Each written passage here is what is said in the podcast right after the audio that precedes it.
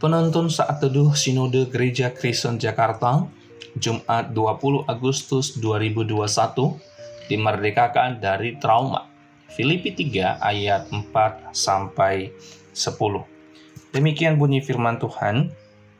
Sekalipun aku juga ada alasan untuk menaruh percaya pada hal-hal lahiriah, jika ada orang lain menyangka dapat menaruh percaya pada hal-hal lahiriah, aku lebih lagi disunat pada hari ke-8 dari bangsa Israel, dari suku Benyamin, orang Ibrani asli, tentang pendirian terhadap hukum Taurat, aku orang Farisi, tentang kegiatan aku penganiaya jemaat, tentang kebenaran dalam mentaati hukum Taurat, aku tidak bercacat.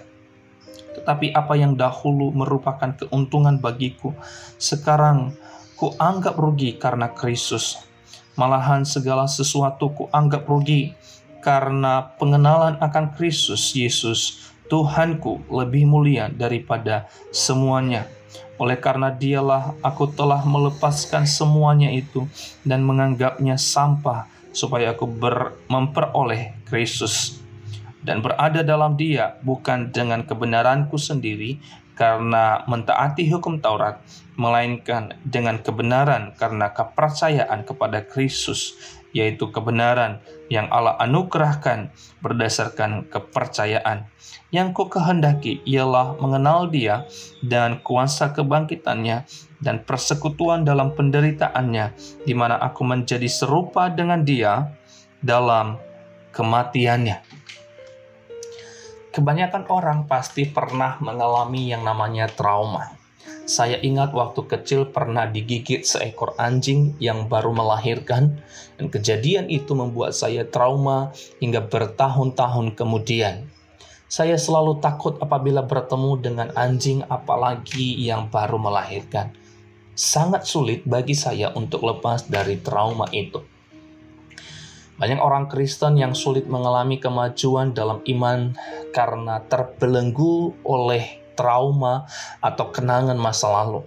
Apakah karena pernah diperlakukan dengan buruk semasa kecil, kegagalan dalam bisnis atau pekerjaan, mengalami pelecehan atau perundungan, dosa-dosa masa lalu yang masih menyisakan rasa bersalah. Segala trauma di masa lalu adalah kepercayaan palsu yang tertanam selama bertahun-tahun di dalam pikiran kita.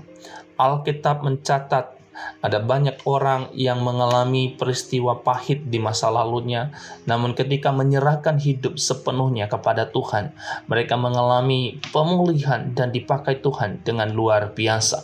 Salah satunya adalah Rasul Paulus. Paulus memiliki masa lalu yang kelam, dia adalah dalang di balik penganiayaan banyak orang percaya pada zaman itu. Secara psikologis, jiwanya pasti penuh rasa bersalah dan ketakutan.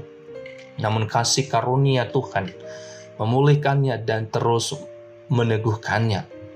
Paulus pun melupakan apa yang ada di belakangnya. Dengan kata lain, ia tidak terpaku dengan dosa masa lalunya. Sebaliknya, ia mengarahkan dirinya ke masa depan dengan berpegang pada firman Tuhan. Hari ini, firman Tuhan juga berbicara kepada kita.